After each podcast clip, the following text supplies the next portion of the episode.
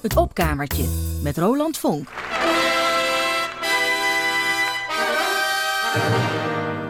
Good morning, Vietnam! Hey, this is not a test. This is rock and roll.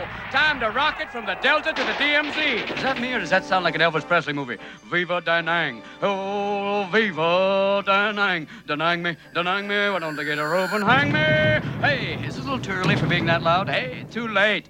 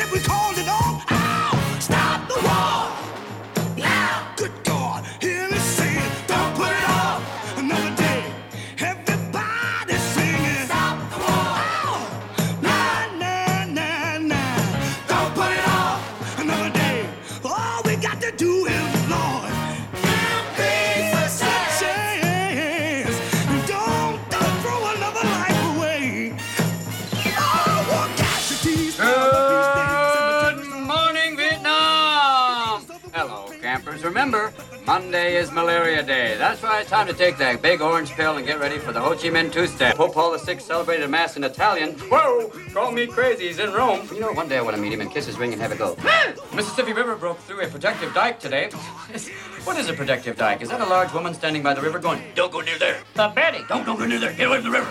Stay away from there. I know we can't use the word dyke. You can't even say lesbian. It's women in comfortable shoes. But what's the weather like? You got a window? Open it.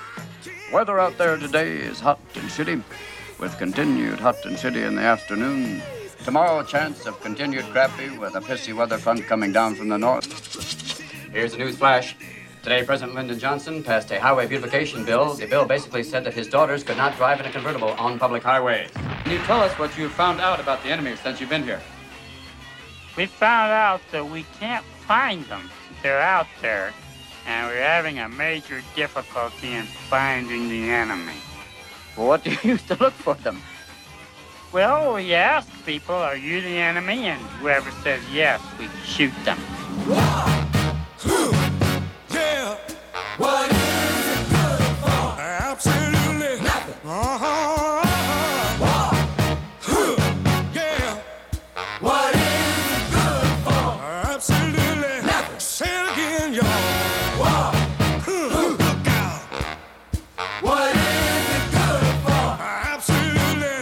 To me.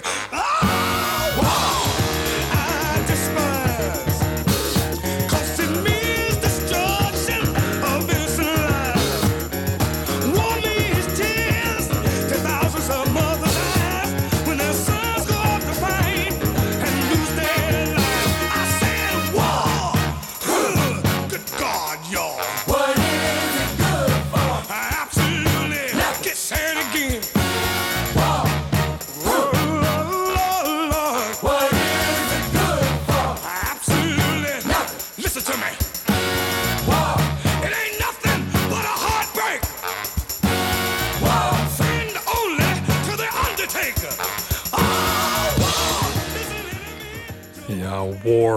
vast uh, vaker gehoord.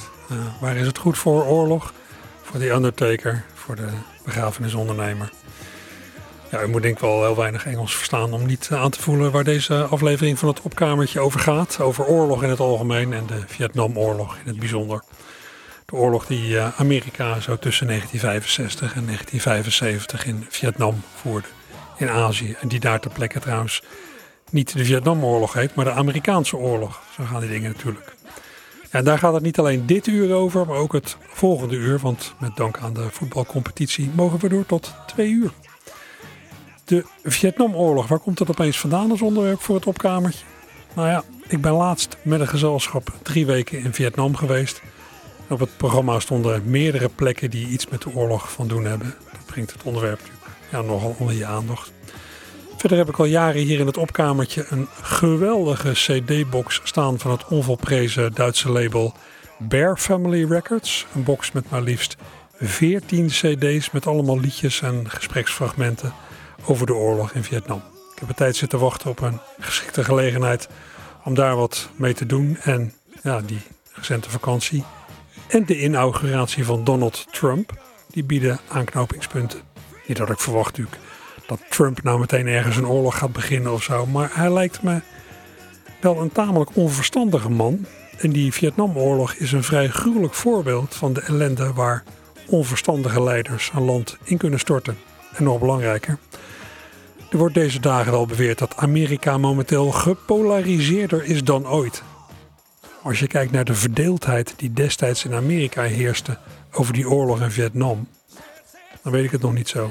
Als je alleen al luistert naar hoe critici van het Amerikaanse buitenlandbeleid destijds in liedjes werden neergezet, ja, dan krijg je de indruk dat er toen al sprake was van de onverenigbare staten van Amerika. Nou waar begon ik net mee? Met een paar fragmenten uit de film Good Morning Vietnam met de geweldige Robin Williams en twee keer de Amerikaanse soulzanger Edwin Starr. We hoorden hem met het nummer Stop the War uit 1971 en met het nummer War, dat als laatste wegstierf, nummer waarmee hij in 1970 een grote hit had. Twee nummers, duidelijk geïnspireerd door de verschrikkingen van de Vietnamoorlog. Vietnamoorlog, hoe zat het ook alweer? Ja, er vielen een hoop doden toen in de jaren 60, 70. Een hoop volstrekt zinloze doden. De wereld werd er echt niet beter van. Motieven van Amerika om daar te zijn waren ook dubieus. Die oorlog leidde, ja, zoals gezegd, tot een enorme verdeeldheid in eigen land. Kortom, Vietnam is een pijnlijk hoofdstuk in de geschiedenis van Amerika.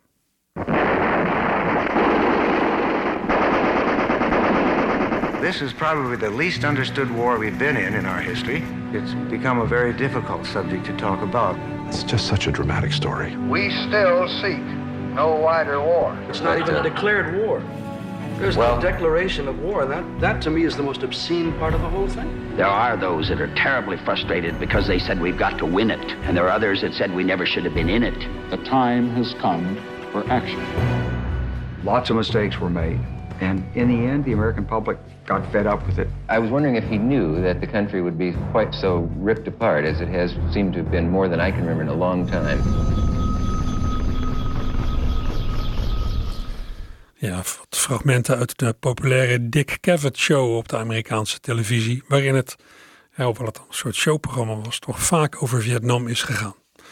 Uh, ik ga geen uitgebreid historisch referaat uh, houden over de Vietnamoorlog, maar wel even een paar dingen, denk ik, het is wel goed om weer even voor de geest te halen hoe dat zinloze bloedvergieten ook alweer begon.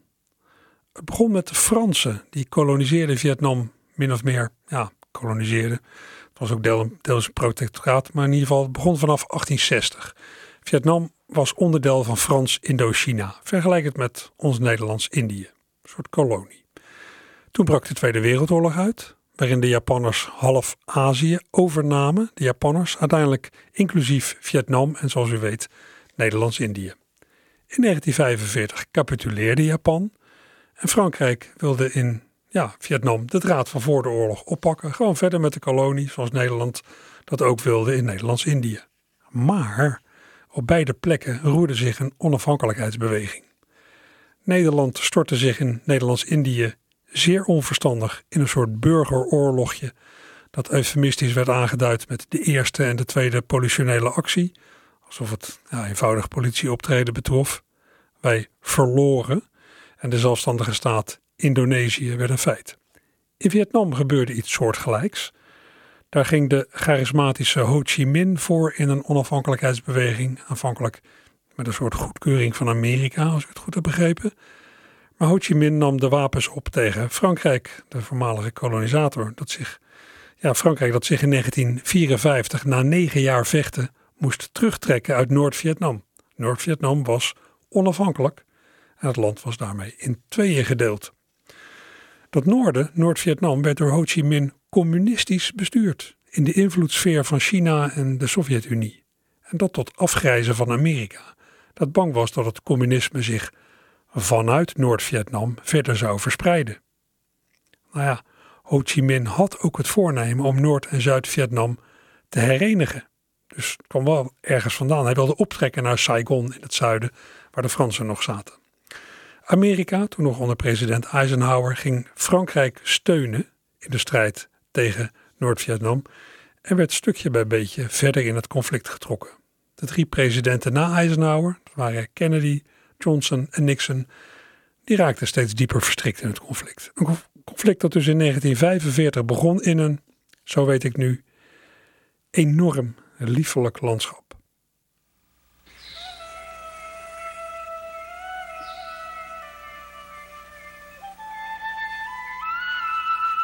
1945. Vietnamese nationalists declare independence from France. Their leader, Ho Chi Minh, is a charismatic and gifted communist. The U.S. supported Ho, but France reoccupies Vietnam, which it first colonized 80 years earlier. In nine years of bitter struggle, Ho's guerrilla forces wear down the French. 1954. 10,000 French troops surrender at the decisive Battle of Dien Bien Phu. Vietnam is partitioned. The U.S. now sees a communist North Vietnam as a Soviet Chinese gateway to Asia. South Vietnam is particularly vulnerable. Ho Chi Minh has vowed to unify the two Vietnams. President Eisenhower declares South Vietnam vital to Western security. His successor, John F. Kennedy, agrees to commit U.S. resources. There's a long history of our effort to prevent Vietnam from falling under the control of the communists. That is what we are now attempting to do, and as the war has increased in scope, uh, our assistance has increased as a result of the requests of the government. Late 1962, guerrilla activity and control spread across half the country. With the Saigon government imperiled, President Kennedy eventually commits 25,000 military advisors. Their mission is to lead Saigon's troops, but Americans are increasingly drawn into combat. Despite this aid, America's ally proves no match for the guerrillas. Ja, Frankrijk legde het af tegen de guerrilla-oorlogsvoering van de Noord-Vietnamezen, ondanks de steun van Amerika. Had Amerika zin om er zelf vol in te gaan? President Kennedy zei van niet.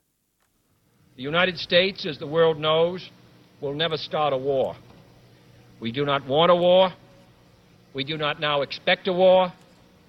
This generation of Americans has already had enough, more than enough, of war and hate and oppression. Kortom, Kennedy wilde geen oorlog beginnen, maar feitelijk was hij er al bij betrokken toen hij deze woorden sprak.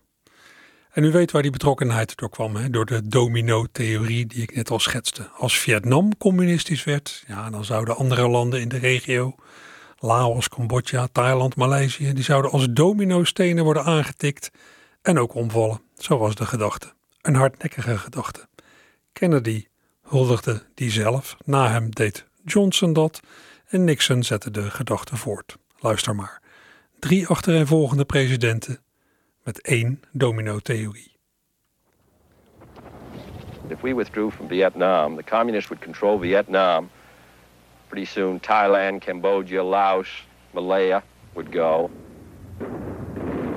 If this little nation goes down the drain and can't maintain her independence, ask yourself what's going to happen to all the other little nations.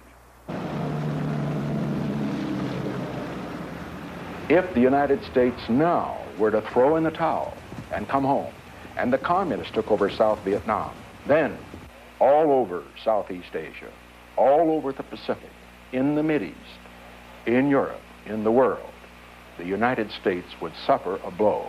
And peace, because we are the great peacekeeping nation in the world today because of our power, would suffer a blow from which it might not recover. We are the great peacekeeping nation in the world. We Richard Nixon zeggen, terwijl hij feitelijk bezig was om het soort angst te zaaien waar oorlogen mee beginnen. Ja, die uitspraak van Nixon heeft eh, mede door de Vietnamoorlog een akelige bijsmaak gekregen.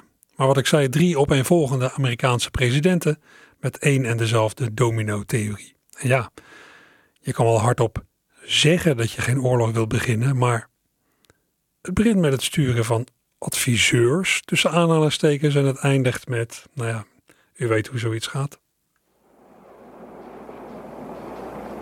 First a handful of advisors, then the Marines. Finally, an army of half a million.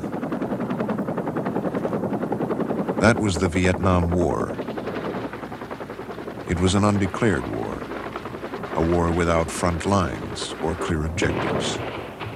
A war against an elusive enemy.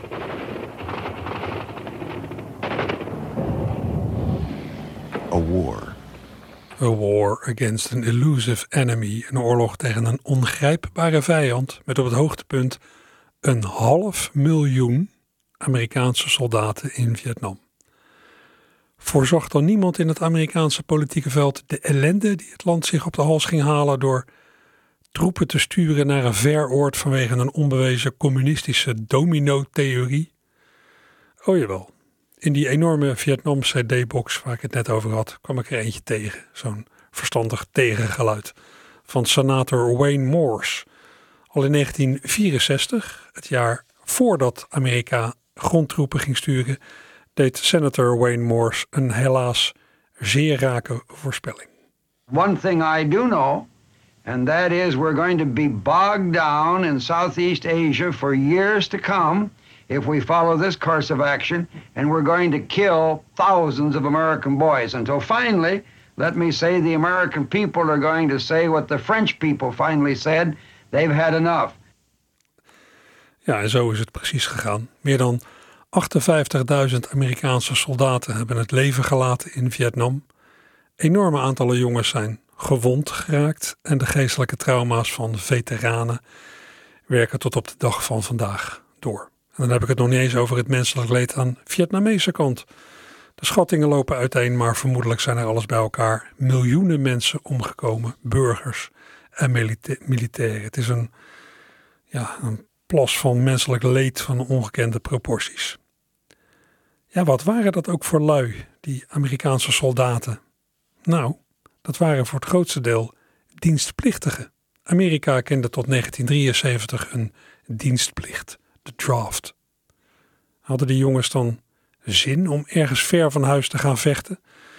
Nou, er zullen er vast bij zijn geweest die het als een spannend avontuur zagen, maar heel wat jongens van 18 of 19, die thuis nog niet eens mochten stemmen, die zaten natuurlijk helemaal niet te wachten op zo'n gevaarlijke invulling van hun dienstplicht. Op een gevaarlijke invulling van hun draft.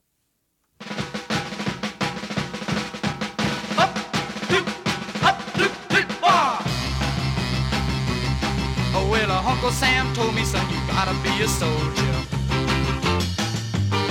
Well, I told my girl when she cried on my shoulder. Well, I'd like to leave the country and never come back. But I'm gonna get you with a pack on your back. Sometimes I wonder what I'm gonna do, but there ain't no cure for the draft time blues.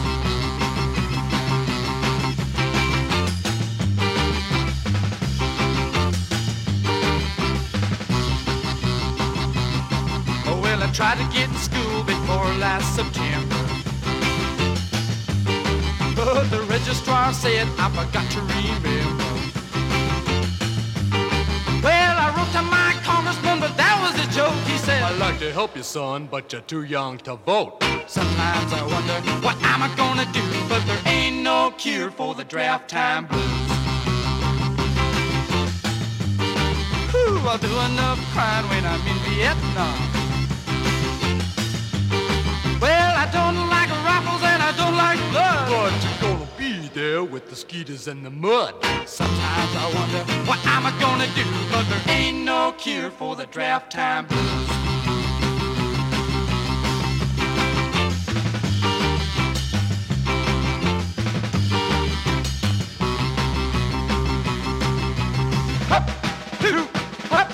We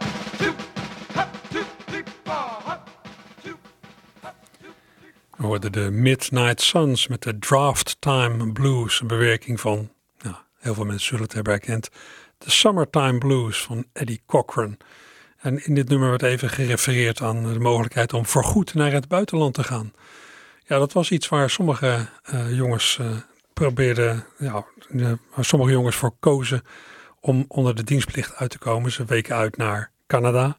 En ik kan me herinneren, ik heb vrij veel familie in Amerika zitten. Volgens mij een neef van mij uit Californië.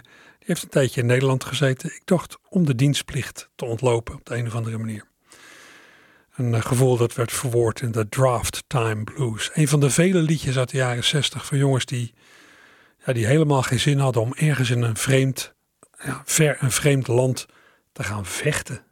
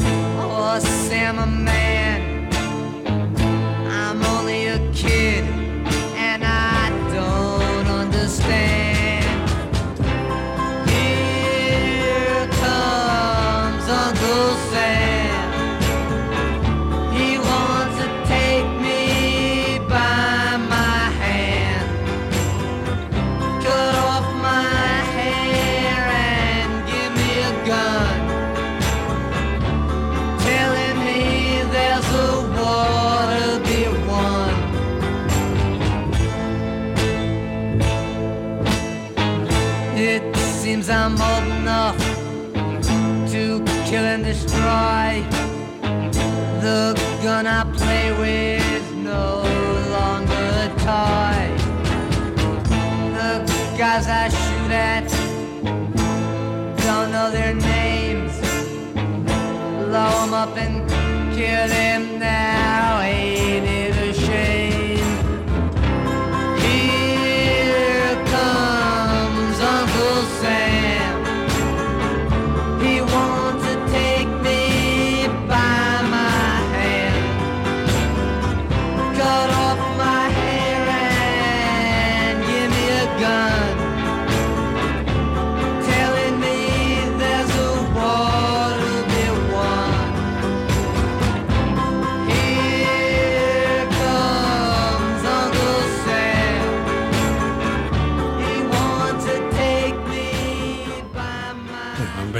Zeurderig liedje, maar met een uh, veelzeggende inhoud. Here comes Uncle Sam, hier komt uh, ja, de Amerikaanse overheid. Die knipt je haar kort, geeft je een wapen en verscheept je om je nou, ergens ver weg te laten sterven. In gevecht met iemand die je helemaal niet kent. Hoe aanlokkelijk is dat perspectief? Tja, toen die Vietnamoorlog op gang kwam, ontstond in de Verenigde Staten een tegenbeweging. Op allerlei manieren werd geprotesteerd. Op universiteiten, op straat, met concerten. En uh, ja, allerlei lui die probeerden onder de dienstplicht uit te komen. En zo'n beetje het lied van die protestbeweging onder jongeren werd volgende vrolijk aandoende werkje van Country Joe and the Fish.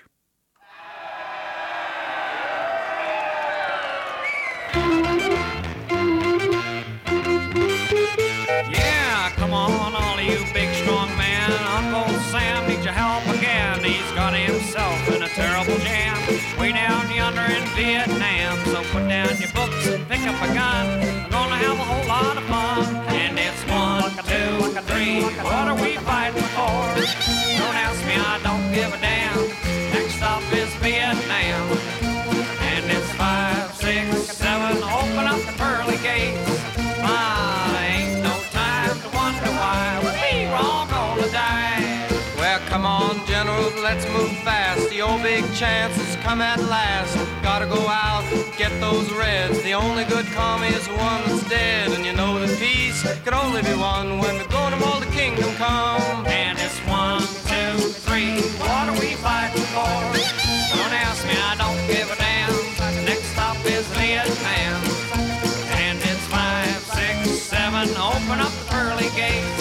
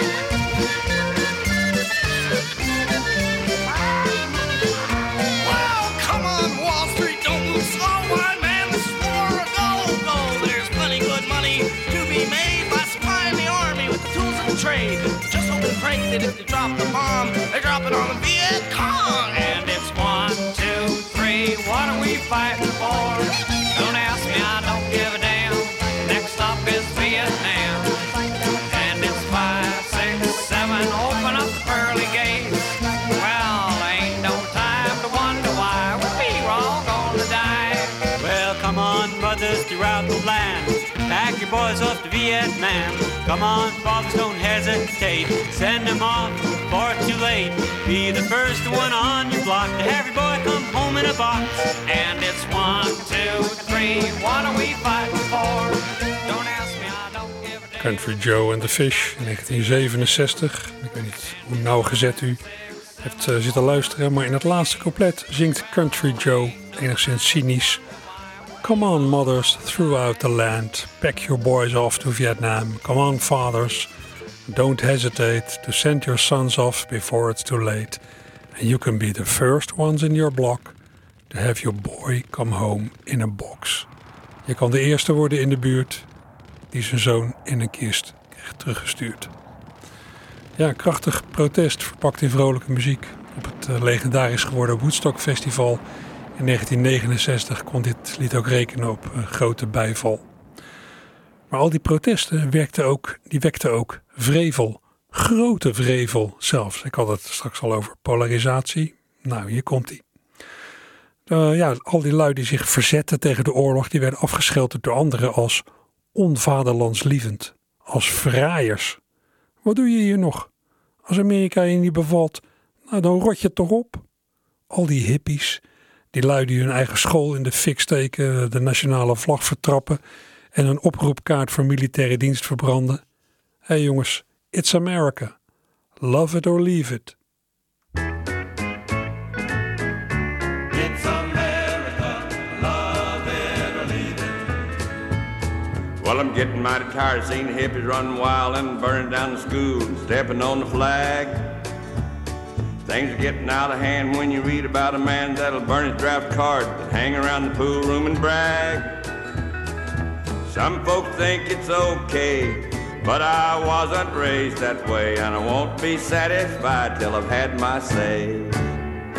It's America, you got no right to deceive it. It's the best there is. You'd better believe it. Good men gave their lives. So we could live to see it. It's America. Love it or leave it.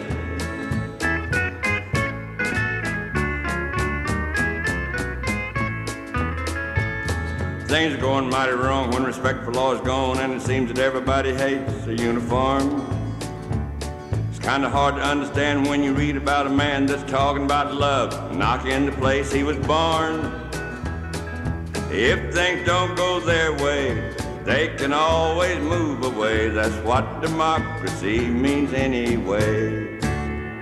It's America, you got no right to deceive it. It's the best there is. And you better believe it. Good men gave their lives. So we could live to see it. It's America, love it or leave it. It's America,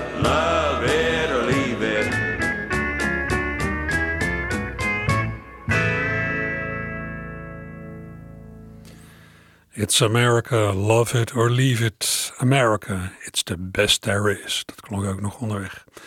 Je hoorde countryzanger Ernest Tubb in 1966 met een conservatief, patriotistisch geluid, zoals er wel meer te horen was in kringen van dit soort traditionele countrymuziek. Hoort ook een beetje bij elkaar, is mijn gevoel. In de folkhoek klonken heel andere geluiden. Zoals van Phil Oaks, folkzanger die actief was in dezelfde omgeving als Bob Dylan, maar die nooit heel groot commercieel succes heeft mogen oogsten. In 1964 bracht hij een lied over een, nou, over een doodgewone jongen die de dienstplicht te slim afprobeert te zijn door bij de keuring allerlei lichamelijke mankementen en omstandigheden aan te voeren die hem echt ongeschikt maken. De Draft Dodger Rag. Oh, I'm just a typical American boy from a typical American town. I believe in God and Senator Dodd and I keep an old Castro down. And when it came my time to serve, I knew better dead than red. But when I got to my old draft board, buddy, this is what I said. Sarge, I'm only 18, I got a ruptured spleen and I always carry a purse. I've got eyes like a bat and my feet are flat and my asthma's getting worse. Yes, think of my career, my sweetheart dear, my poor old invalid aunt. Besides, I ain't no fool, I'm a going to school and I'm a working in a defense plant. I got a dislocated disc and a racked up back. I'm allergic to flowers and bugs. And when the bombshell hits, I get epileptic fits, and I'm addicted to a thousand drugs. I got the weakness woes, I can't touch my toes, I can hardly reach my knees. And if the enemy came close to me, oh, I'd probably start to sneeze. I'm only 18, got a ruptured spleen, and always carry a purse. I've got eyes like a bat, and my feet are flat, my asthma's getting worse. Yes, think of my career, my sweetheart dear, my poor old invalid aunt. Besides, I ain't no fool, I'm a going to school and I'm a working in a defense plant. Ooh, I hate showing lie, and I hope he dies. But one thing you gotta see, that someone's gotta go over there, and that someone isn't me. So I wish you well, Sarge, give him hell. Kill me a thousand or so. And if you ever get a war without blood and gore, I'll be the first to go. Yes, I'm only 18, I got a ruptured spleen, and I always carry a purse. I've got eyes like a bat, and my feet are flat, and my asthma's getting worse. Yes, think of my career, my sweetheart dear, my poor old invalid aunt. Besides, I ain't no fool, I'm going to school, and I'm working in a defense plant. Phil Oaks in 1964. Goed liedje. Al werd het door de autoriteiten minder gewaardeerd. In 1965, een jaar na deze opname, is nog eens een optreden van Phil samen met Tom Paxton verboden, omdat ze subversief zouden zijn en communistisch. Diverse radio- en tv-stations boycotten het nummer dat u net hoorde. En na de dood van Phil Oaks in 1976 bleek dat de FBI een dossier over hem had aangelegd van bijna 500 pagina's. Tot zover The Land of the Free, America, the Beautiful.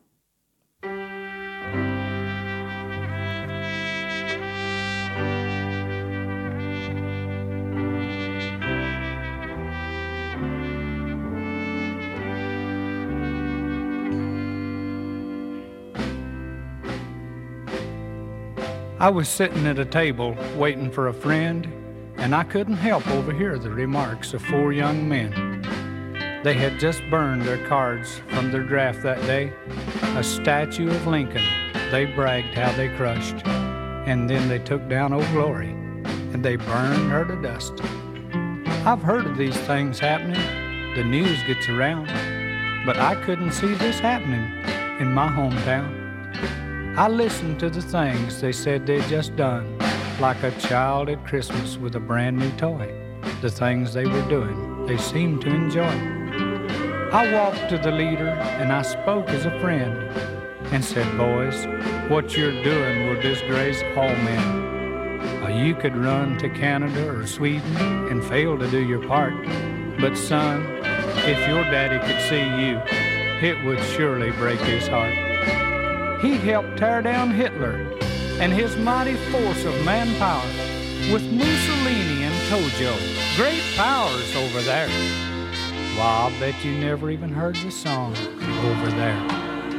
And I'll bet you never heard the great Elton Britt sing his big hit, There's a Star Spangled Banner waving somewhere. Boys, freedom didn't just happen. We planned it this way. And if it takes fighting to keep it, then we'll fight night and day. All red-blooded Americans and our friends all over this world will join in salute to Old Glory when the flag is unfurled. Young man, you don't know cause we've kept it from you. But you're a man now, and it's time that you knew. Your father was a buddy of mine, and we fought side by side. And I was right there with him the very minute that he died. Take a look at these legs, and you can see they're not mine. The shell that took your daddy's life, son, almost took mine. Yes, your father was a hero on that day, but God saw fit to take him away. And when you were a baby during World War II, son, I brought home your daddy to your mother and you in a coffin, draped in red, white, and blue. And son, that same flag still waves over you. Let's love one another.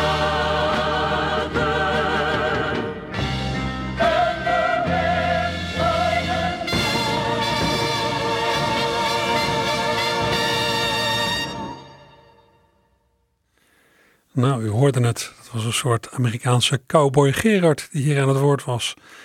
Met een draak van een patriotistische preek wat mij betreft. Verlin Red Speaks was dit in 1972. En hij haalde de Tweede Wereldoorlog erbij, dat kon u horen. De Tweede Wereldoorlog toen Amerika ook voor vrijheid had gevochten, alleen toen in Europa. Ja, ik zou zeggen, de ene oorlog is de andere niet. Edwin Starr vroeg zich aan het begin van het uur al zingend af: War, what is it good for? En het antwoord luidde: Absolutely nothing. Ja, dat is natuurlijk wel een klein beetje kort door de bocht. Ik bedoel, ja, als nou een redelijk goed lopende democratie die de mensenrechten eerbiedigt, die een eigen identiteit heeft, als die nou door een ander land wordt overlopen, dan lijkt het me gerechtvaardig, ja, gerechtvaardigd als de internationale gemeenschap optreedt, gewapenderhand. Of als die internationale gemeenschap geen vuist kan maken, dan maar een supermacht. Het ingrijpen van Amerika in zowel de Eerste als de Tweede Wereldoorlog was een goede zet. De exit-strategie was ook duidelijk. Landen helpen om verder te gaan waar ze gebleven waren, want dat ging zo slecht nog niet. De Eerste Golfoorlog sneed ook nog hout. Weet u nog, Irak was Kuwait binnengevallen. Ja, daar moesten ze weer weg. Dat is ook gebeurd. Maar de Tweede Golfoorlog, Saddam Hussein aanvallen vanwege de aanslagen van 11 september, waar die niet mee te maken had. En het wespennest Afghanistan. Wat was daar de exit-strategie? Een parlementaire democratie afdwingen die wij ja, stukje bij beetje in de loop van god weet hoeveel jaar hebben weten te verwerven. Alsof je dat zomaar kunt transplanteren. Wat ik zei, de ene oorlog is de andere niet. De geschiedenis heeft degene die destijds protesteerde tegen de oorlog in Vietnam inmiddels gelijk gegeven. Maar toen ze met hun protest kwamen, werden ze aan alle kanten zwart gemaakt. Ook in liedjes dus. Ik heb hier zelfs een liedje waarin een militair die in Vietnam is gesneuveld, als het ware even wordt opgegraven om die verraaier thuis eens ernstig toe te spreken. Die verraaier, die punk, die schooier. Ja, bij het op opgraven is de goede smaak niet meegekomen. Dat is wel duidelijk. His truth is marching on.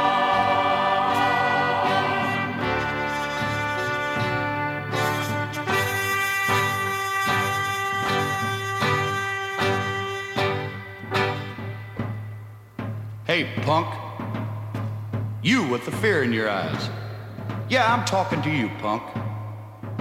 I'm getting tired of you guys doing all your marching, your talking, and your squawking. Can't you let a dead man rest in peace? I didn't think I'd have to worry when I left my wife and kids behind. But I never dreamed our streets would be filled with your kind. There are a lot of other places where I'd rather have died. But I kind of felt at least everyone at home was on our side. Hasn't anyone ever told you what made this country grow? It was guys like Lincoln, Kennedy, Jefferson, and Monroe. Well, you better listen to me, buddy, and try to use your brain.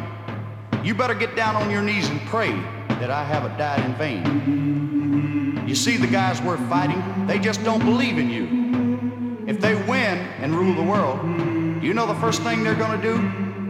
They're gonna put you up against a wall, because they won't let anyone disagree. Just before they gun you down like a dog, maybe you'll remember what it was like to be free.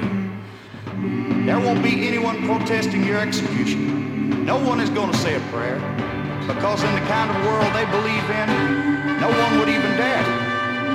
I'll bet you didn't know that that draft card you scorched that tiny flame of stupid shame was a part of freedom's torch. So you better open up your eyes and stand tall like a man and thank your God that you were born to live in freedom's land.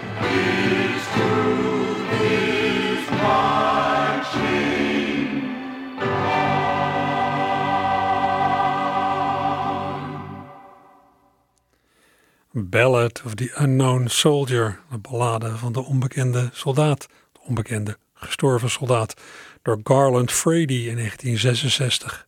Akelig werkje.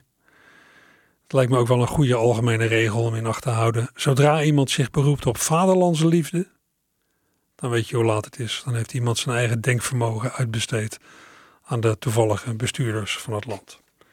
Ja, bij zo'n akelig werkje kun je denken, ja, het is maar een liedje. Ik weet wel, ja, het, zijn maar woorden. Maar woorden zijn ook daden. Als je mensen maar lang genoeg in een bepaalde hoek praat, dan heeft dat ook gevolgen in de echte wereld. Dood ga je er niet direct van, maar toch. Nou ja, uh, doden zijn er wel gevallen in studentenprotesten tegen de oorlog in Vietnam. Op 4 mei 1970 openden leden van de Nationale Garde het vuur op studenten die op de Kent Kent State University in Ohio protesteerden tegen het Amerikaanse geweld in Vietnam en Cambodja. Daarbij vielen vier doden. Neil Young schreef er een aangrijpend lied over dat hij herhaaldelijk uitvoerde met het gezelschap Crosby, Stills, Nash Young. Dat lied begint met de woorden Tin Soldiers and Nixon Coming, waarbij hij die garde soldaten vergelijkt met tinnen soldaatjes, misschien wel met marionetten. En ja, waarin die Nixon als vrij direct verantwoordelijke voor de slagpartij aanwijst. Nixon die protesterende studenten afschilderde als bums, schooiers. Een aangrijpend lied dus. Aangrijpend zijn ook de woorden uit een reportage die ik voorafgaand aan dat lied heb gemonteerd. Hou u vast. In the violence that day, four Kent State students were killed. Two were girls. The father of 19 year old Allison Krauss of Pittsburgh reacted emotionally to the news of his daughter's death. She resented being called a bum because she disagreed with someone else's opinion. She felt that war in Cambodia was wrong. Is this dissent a crime? Is this a reason for killing her? Have we come to such a state in this country that a young girl has to be shot because she disagrees deeply with the actions of her government. I want something to be done.